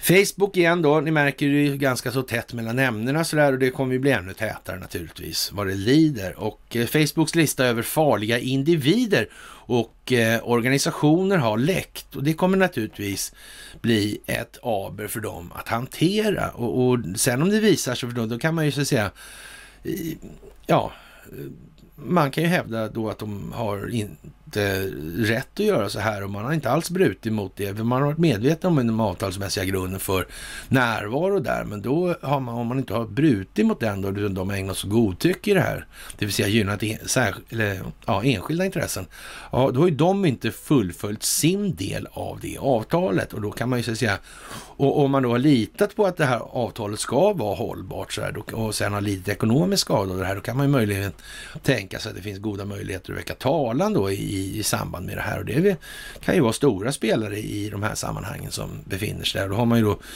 i USA till exempel så har Donald Trump väckt en grupptalan i den här saken då. Och ja, det kommer ju visa sig naturligtvis vad det här är för någonting och hur det blir. Så, första steg mot riksrätt för Chiles president och det kan man ju tycka är lite otur. Men till saken hör då naturligtvis att Ericsson, Atlas Copco och ABB till exempel och hela historien bakom Chile förslagsvis kan ni väl då googla, eller säga, men söka på bloggen då i det här och ni har den där med bilden med Göta Lejon där och, och så som han sålde till Chile då. Och hon ägnar sig åt vid den här kuppen då så var hon inblandad i det där helt enkelt. Och det är massa röta i det där och det har varit sedan 70-talet i den här formen och sen har det dessutom varit tidigare före det också. Så det är ju liksom bara vad det är med Latin och Sydamerika i de här sammanhangen. Det är inte mycket att snacka om längre heller. Svensk rusning efter no billig norsk diesel och det kan man ju tycka är lite speciellt när man tjänar fyra spänn liten för att åka och tanka i Norge. Det är, kanske säger någonting. Men det kanske behöver bli en hundralapp då i skillnad att åka till Norge och, och tanka innan svensken får tummen ur VA-gången och inte stoppar den i truten och kryper ihop under bordet i fosterställning. Utan använder händerna och kroppen till att göra någonting. Var det än vara månde. Det här duger inte. Den här passivitetskoman som råder. Som för övrigt är på klar bättringsväg. Ökning av svårt sjuka på akuten, ingen vet varför. Rekordmånad P4 Jönköping. Ja, det kan man ju säga är konstigt. Det är inte lika många sjuka i covid kanske. Så då blir de sjuka i annat. De kanske har ackumulerat sin sjukdom någonstans och nu är de trötta på det. I Expressen en Amina Mansour, SVT sprider farliga myter i ny dokumentär och att man då håller på och ifrågasätter det här med fästingar och sådana här saker. Det är ju verkligen dumt alltså.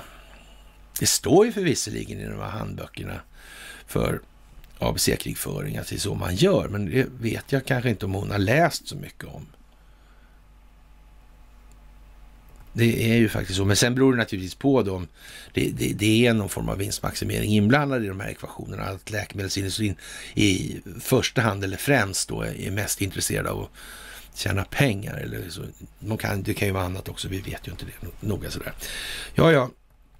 Antivaxpropagandan är någonting som oroar, ja, Agnes Wold som sagt. Och ja, så länge det har funnits vaccin har det funnits vaccinkritiker och eh, Ja, som sagt, det där är ju som det är alltså. Men, eh, ja. Det är inte så att man känner sig, gud vilken tjusig själ, alltså det verkar inte så kanske. Polisen pekar ut läckande advokater som stort hot. Och eh, verkligheten är ju den att väldigt mycket av de här turerna i svenska domstolar, de görs ju upp då på sidan sådär och eftersom det i sig är, kan vara okej okay, så innebär det naturligtvis att det har skapat utrymme för att de här ombuden kan verka lite mer på egen hand utan att det verkar konstigt. Vilket i sin tur leder till att det dyker upp faktiskt då sådana här människor i rättssystemet som kanske inte håller det allmännas bästa särskilt högt utan kanske hellre ser till sin egen plånbok. Vilket då i sin tur leder till att det görs upp en massa grejer bakom ryggen på de här målsägarna eller klienterna då mellan de här ombuden. Och det är ju någonting som kommer att komma fram nu, naturligtvis. Och det fina med den kråksången, det är ju det att det har ju varit så under lång tid och man har ju kunnat hålla på med det här tämligen ostört då.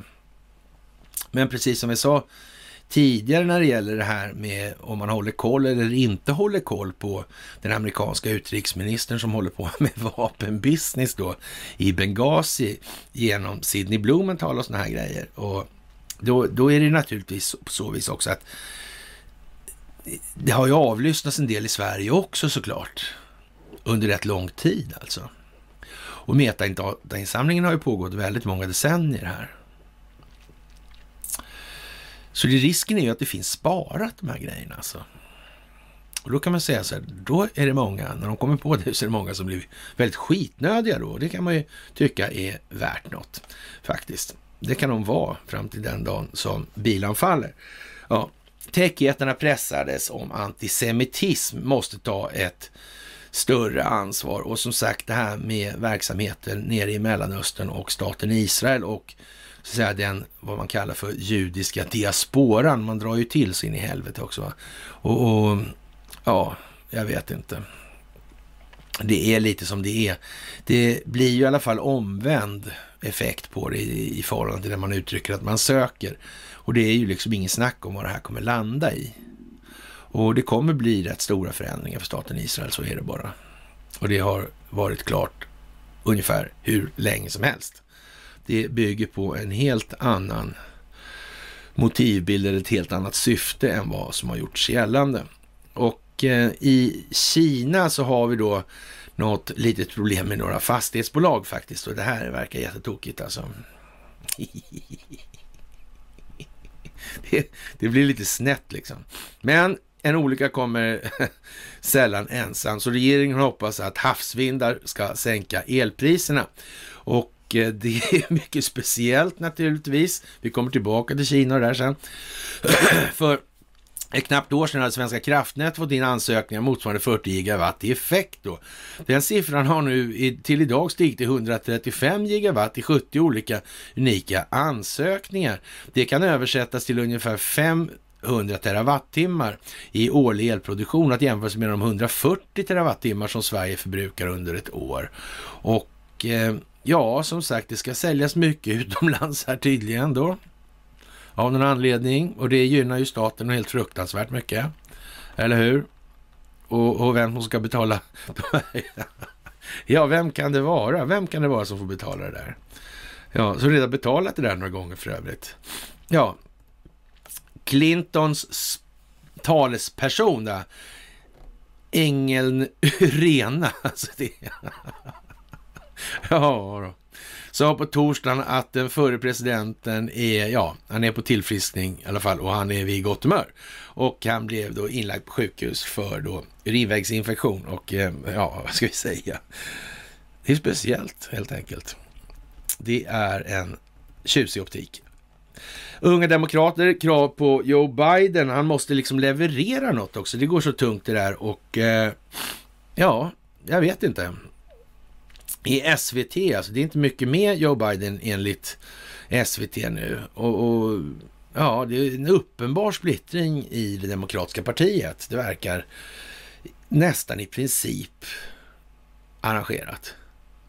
Men det kan det inte vara, för då hade ju någon sagt något i det här fallet. Och jaha, eh, men SVT säger i alla fall då, detta till trots då att det inte kan vara så, så säger man i alla fall då att det är inbördeskrig inom Demokraterna. Och det i sin tur innebär ju naturligtvis att det blir vissa svårigheter då att driva igenom någonting. Omfattande i vart fall. Om man inte har det egna partiet med sig ens. Det kan ju bli lite tjurigt. Och eh, man får tänka på att det, den här splittringen kommer alltså samtidigt som Donald Trump utlovar då att det ska inte röstas någonting från Republikanska partiet innan dess att det här valet i eh, förra året där i slutet i november, innan det är utrett alltså. Det är det enda som betyder någonting, för det är meningslöst att hålla på med annan, all annan valverksamhet. Men just den passagen är ingenting som riktigt har anammats. Det var väl igår det, va? Så, så det, det, har inte riktigt hunnit ut i svenska medier än faktiskt. Och eh, ja, vår omvärld ser på Sverige som den gör. Va? Och arkeologerna, det här var en, en rätt så gammal artikel som jag tog upp faktiskt. Jag tycker det var roligt. Man hittade en hamn som var 4000 år gammal. Och allt handlar om optik. Och det här förberedde man alltså redan tidigt då, alltså det här som ska komma nu. Det här har varit förberett länge.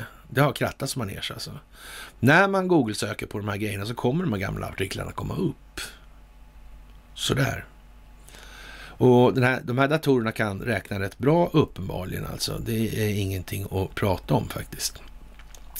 Den här mystiska eh, gubben i Norge som högg ner folk med kniv där och lyckades skjuta på en polis med pilbåge och allting.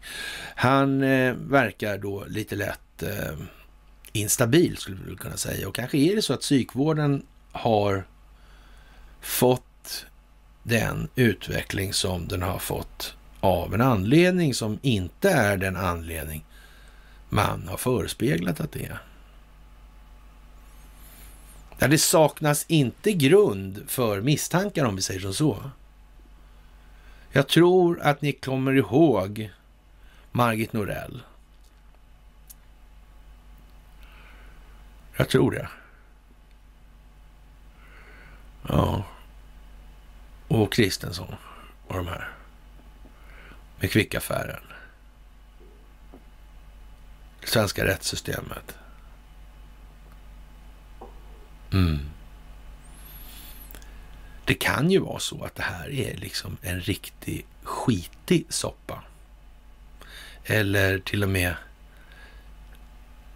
det kan inte möjligtvis vara på något annat sätt. Inte en chans. Man blir inte dömd till nio mord utan att ha begått ett enda av dem, utan att systemet är inblandat. Ja, Bank of England varnar för en massiv krasch för kryptovalutor skulle innebära för vad det här skulle innebära för det globala finansiella systemet. Så mycket kan man ju säga att blir det en systemkrasch, då är det ju väldigt illa och då är det ju frågan om då, man säger så här, då skulle det vara bra att ha kryptovalutor eller bitcoin. Men problemet med just kryptovalutor och bitcoin i det sammanhanget är ju att de funkar inte skitbra i vart fall, utan el och telekominfrastruktur. Det, så är det ju. Naturligtvis, det, det blir ju krångligt. Och å andra sidan kan man säga så här, går internet ner, ja då är det ju lite som det är med det mesta i det här. Så det får man väga för eller emot hur man ser på det helt enkelt. Och sen säga att den fysiska metallen är ju vad den är också på det viset. Det är ju, bruksvärdet på det är ju tämligen begränsat alltså. Och därför är det problemet nu är ju det här att folk måste någonstans komma fram till vad är det högsta värde som ett samhälle kan skapa för någonting? Ja, det är ju det gemensamt tagna ansvaret naturligtvis. Det är ju det största värde som ett samhälle kan prestera. Och, och i det förekommande fallet Sverige just nu, så alltså är ju det inte något sådär där jätteimponerande värde, om man säger som så. Det är ju inget riktigt jättebra tecken på någonting som är värt något. Men å andra sidan kan man säga att allting som förändras måste bara bli lite bättre då.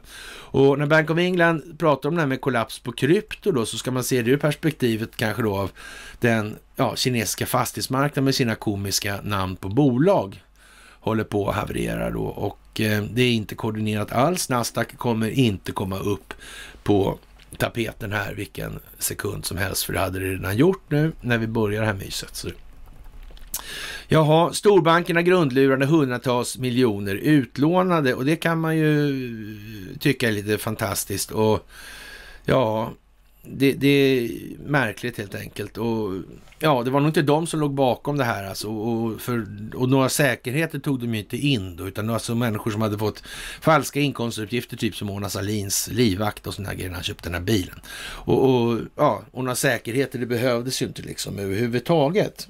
Sådär. Och eh, ja, vad menar TV4 här egentligen? Är det, eller är det bankerna som har satt det här i system för att få ut mer pengar i omlopp? och skapa lån? Är det någonting som man har gjort, kanske? Eller vad, hur, vad kan det vara för någonting egentligen? Kan det vara mer än så? Kan det vara annat än så? De hade väl lämnat oss säkerheter för lånen, hade de inte det? Eller? Fanns det inga sådana regler på banken? Att man måste ha någonting i säkerheter? Utan på blankolån? Ja. ja, ja, men då så. Då vet vi ju det i alla fall. Kritiken efter skandalbilderna kommer inte gå omärkt förbi. Alltså det är oerhört kärvt för damfotbollsspelare alltså. Så, ja, vad ska man säga, damfotbollsspelarfacket, svenska representanten där i det internationella organet där, är mycket, mycket upprörd. Och eh, ja, för övrigt kan vi ställa frågan lite artigt då, är inte det här ren diskriminering med lagsporter som är genusbaserade? Vad är det för jävla diskrimineringsövningar? Men det finns ju, om det finns flera tusen, ska inte de få spela fotboll då? då? Hur har de tänkt så här egentligen? Ja, och eh, fackföreningarna som kliver i det här har naturligtvis ett syfte med det och det är nog inte att öka fackföreningsrörelsens livslängd i alla fall. Så mycket torde vi kunna konstatera. En fullkomligt genial strategisk opinionsbildningsoptik bjuder alltså Andrew McCabe på då för detta underrättelsetjänstchef i USA och eh, Ja, han får ju tillbaka sin pension då efter att han 2018 fick sparken eftersom han ljög under ed då. Och man får väl nästan säga det gamla klassiska då att vi får hoppas att han har berättat riktigt mycket smaskiga saker nu. Det kan man väl tänka sig va? Det borde vara så ja. Mm. Jaha, och eh, drottningen tycker om Putin och Xi Jinping att det är väldigt irriterande att de inte tänker komma på klimatmötet. Och eh, ja, det är ju lite sådär äh, faktiskt. Eller också vet hon det här. Och klimatrörelsen ska åt helvete nu i och med det här klimatmötet. Det kanske är med det här klimatmötet ungefär som det är med den här konferensen mot antisemitism. Det där slaskbegreppet måste givetvis begravas och det kommer att begravas. Så är det. Det kommer liksom inte finnas ett begrepp med felaktig etymologisk grund som kan användas för att stigmatisera. Det, vad, vad är det för bra för de som är religiösa och kallar sig för judar?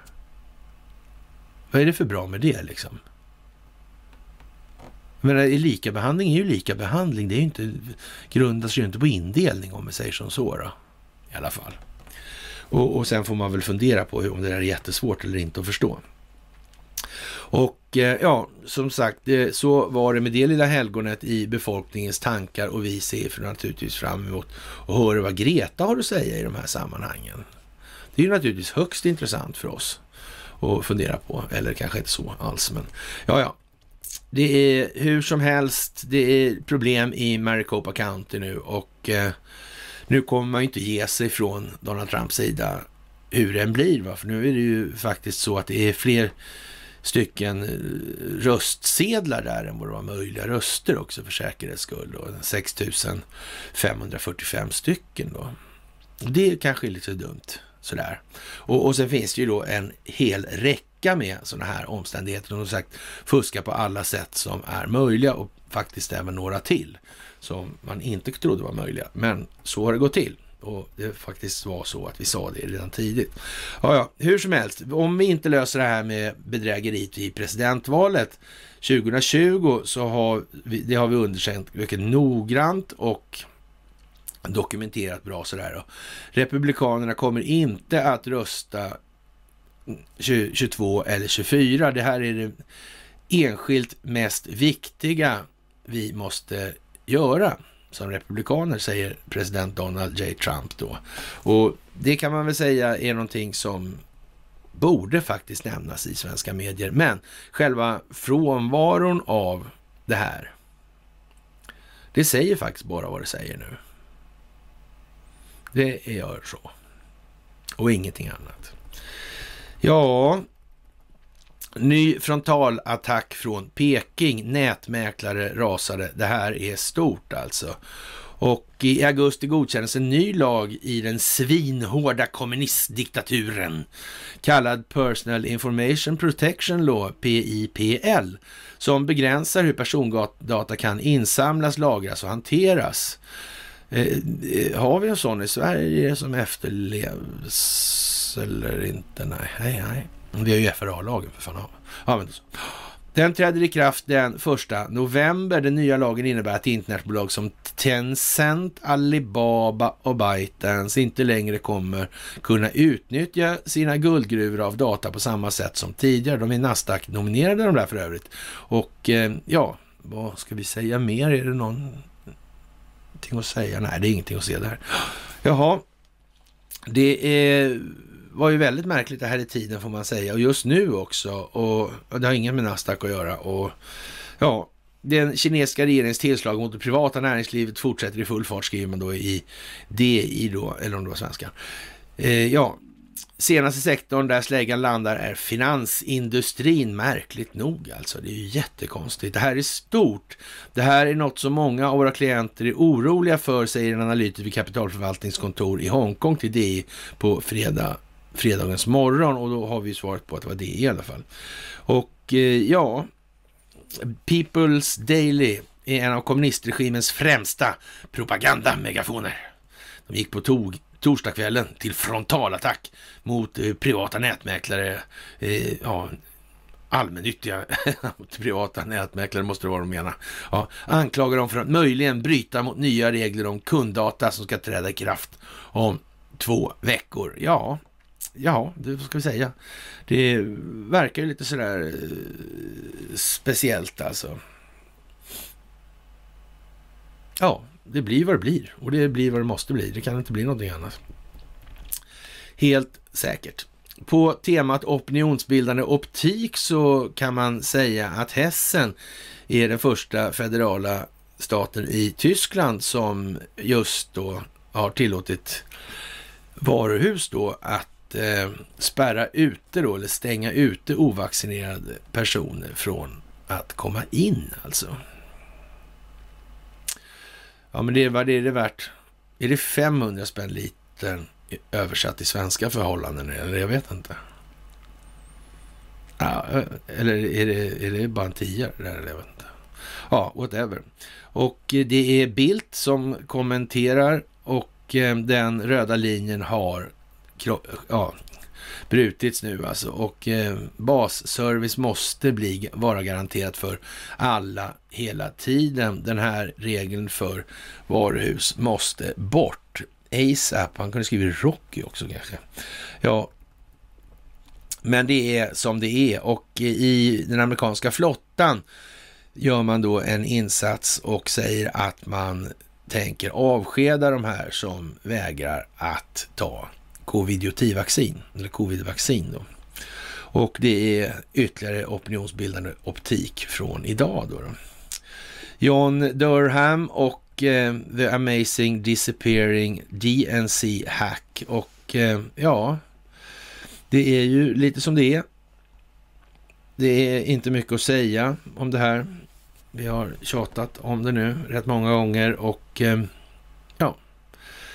Faktiskt så vet vi ju nu att eh, det var inget hack. Det är fastställt så. Det här med Seth Rich är ju kvar. Det här med Julian Assange är kvar. Och det kommer landa där det ska landa. Don't you worry. Tv-uppdatering riskerar att släcka tusen tusentals tv-apparater då i slutet på den här månaden om några veckor alltså. Och så kan det vara. Det kanske behöver läggas om saker. För att slippa saker också. Det är de tiderna nu, helt enkelt. Familjehemspappa från Västerbottens inland misstänks för hundratals våldtäkter och ja, vad ovanligt konstigt alltså. Det är som alla djur. De dras till det de vill ha. Det är ju bara så. Ska det vara så svårt att förstå det? Var kan de hamna någonstans? Och naturligtvis är det just där de inte borde hamna. Det är också helt självklart att det är så. Men det verkar på något vis så. Nej, så är det inte, för då skulle någon ha sagt något. Ja, det är väl det som är själva problemet med svenskheten och Stockholmsbyråkratin och allt det här. Den här oviljan. Någon annan skulle ha sagt något. Och själv vågar jag inte säga till något, för då kan jag ju förlora på det materiellt. Men vad fint. Det blir ju väldigt bra samhälle av det här faktiskt. Ja, vi blev eh, jättechockade, säger då den här myndighetspersonen som är, eh, intervjuas i sammanhanget då. Vi blev jättechock, jättechockade, inte bara lite chockade. Eller eh, alltså något annat sådär, eller chockade, jag vet inte. Vi blev i alla fall jättechockade när vi fick veta att detta hade hänt. Det finns inga indikationer på att han har gjort något olämpligt under tiden han jobbar här, säger en kollega på HVB-hemmet. Nej, och ändå har han gjort det där. Ja, men så, så kan ju vara så. Eller kanske inte ändå. Gör det enklare och eh, starta gruvor i Sverige. Den är verkligen klimatsmart nu den här gruvdriften helt plötsligt alltså. Och det är ju någonting som man ska tänka på. Fantastiskt hur det kan bli. Förut var det så jättedåligt alltså. Ja. Ja, jag vet inte. Konstigt att det kan bli så tokigt. Miljardaffär faller igenom för Evergrande och eh, ja, man kanske inte tänker realisera förlusten den här gången heller. Man tänker bara film, ja, koka bokföringen lite helt enkelt. Eller så går det inte det och då blir det något annat. Och det är ju någon vecka kvar här nu också på det här. Det verkar vara mycket saker som kommer här i den här Red October. Och det är ju inte precis så att det är lite som händer, det händer mer än någonsin tidigare. Och för att göra det här lite bättre då så kan man väl, eh, ja, vad ska vi säga? Sergej Lavrov tycker då i ett lite trevligt uttalande då att Sverige talade om för oss att vi absolut inte skulle våga nämna dem i de här sammanhangen då med Novichok då och eh, ja, de har all, Sverige har aldrig varit inblandade i något arbete i förhållande till Novichok då och eh, ja, och om Sverige inte hade någon kompetens att analysera Novichok så kommer vi ihåg Anders Lindberg vad han sa då att vi måste ju stå upp med engelsmännen i de här sammanhangen. Men de här två åren har ju gått åt till då opinionsbildning. Det här har gått åt till det största folkbildningsprojektet på planetens historia, eller under planetens historia heter det. Och eh, ja, och de här, om nu svenskarna hade då lyckats uppnå den här kompetensen under de här två åren då, de hade ju inte det alls då alltså. Ja, och då vet man ju inte riktigt.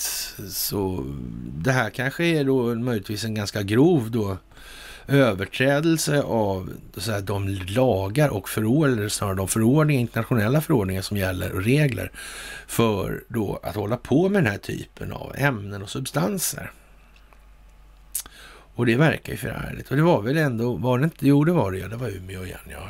Då sa jag. Ja, ja. Mm. ja, vi ska dit på tisdag. Mm, så. Mm. Så då. Och eh, ljuset kommer alltså från öster i den här frågan också då. Det kan man ju säga så här. Och eh, jaha, eh, ja, Sloveniens premiärminister Janes Jansa, han eh, ja, kallar EUs politiker för Soros marionetter och som sagt, jag tror vi har klarat ut det där. vem det är som håller i Soros. och Kvantumdatorn är äldre än vad kvantumfonderna är i princip, alltså det är stordatorn i alla fall. Så är det också, ska man tänka på. Jaha, och eh, som sagt, eh, Andrew McCabe får tillbaka sin pension och han har väl aldrig skvallrat. Det finns ju inte en chans, då skulle ju någon ha sagt något. Och direkt från John Durham nu, vem står bakom kommunistkina? Ja, det måste väl då, då kanske de här eh, techmiljardärerna kanske, eller? Eller rättare sagt de som står bakom techmiljardärerna kanske. De som är registrerade på Nasdaq. Det var lika lätt att komma in på Nasdaq där. Men det är klart att för, det kan man ju faktiskt köpa att Josef Tsai hade vissa försteg i det sammanhanget. Han kom ju så, trots allt direkt från Investor. Det är ju bara synd att inte underrättelsetjänsterna har upptäckt de här grejerna än. Och att inte ens de där starka, snabba datorerna kunde liksom se de här sammanhangen. Det är ju synd alltså. Det hade varit bra alltså. Ja, då hade man nog bara kunnat ta dem så hade ju alla bara behövt slippa tänka till och göra någonting själva och öka sitt medvetna medvetande, det allra minsta ens, så hade ju allt bara blivit så bra. Vi har ingen roll i den här dåliga sidan av utvecklingen.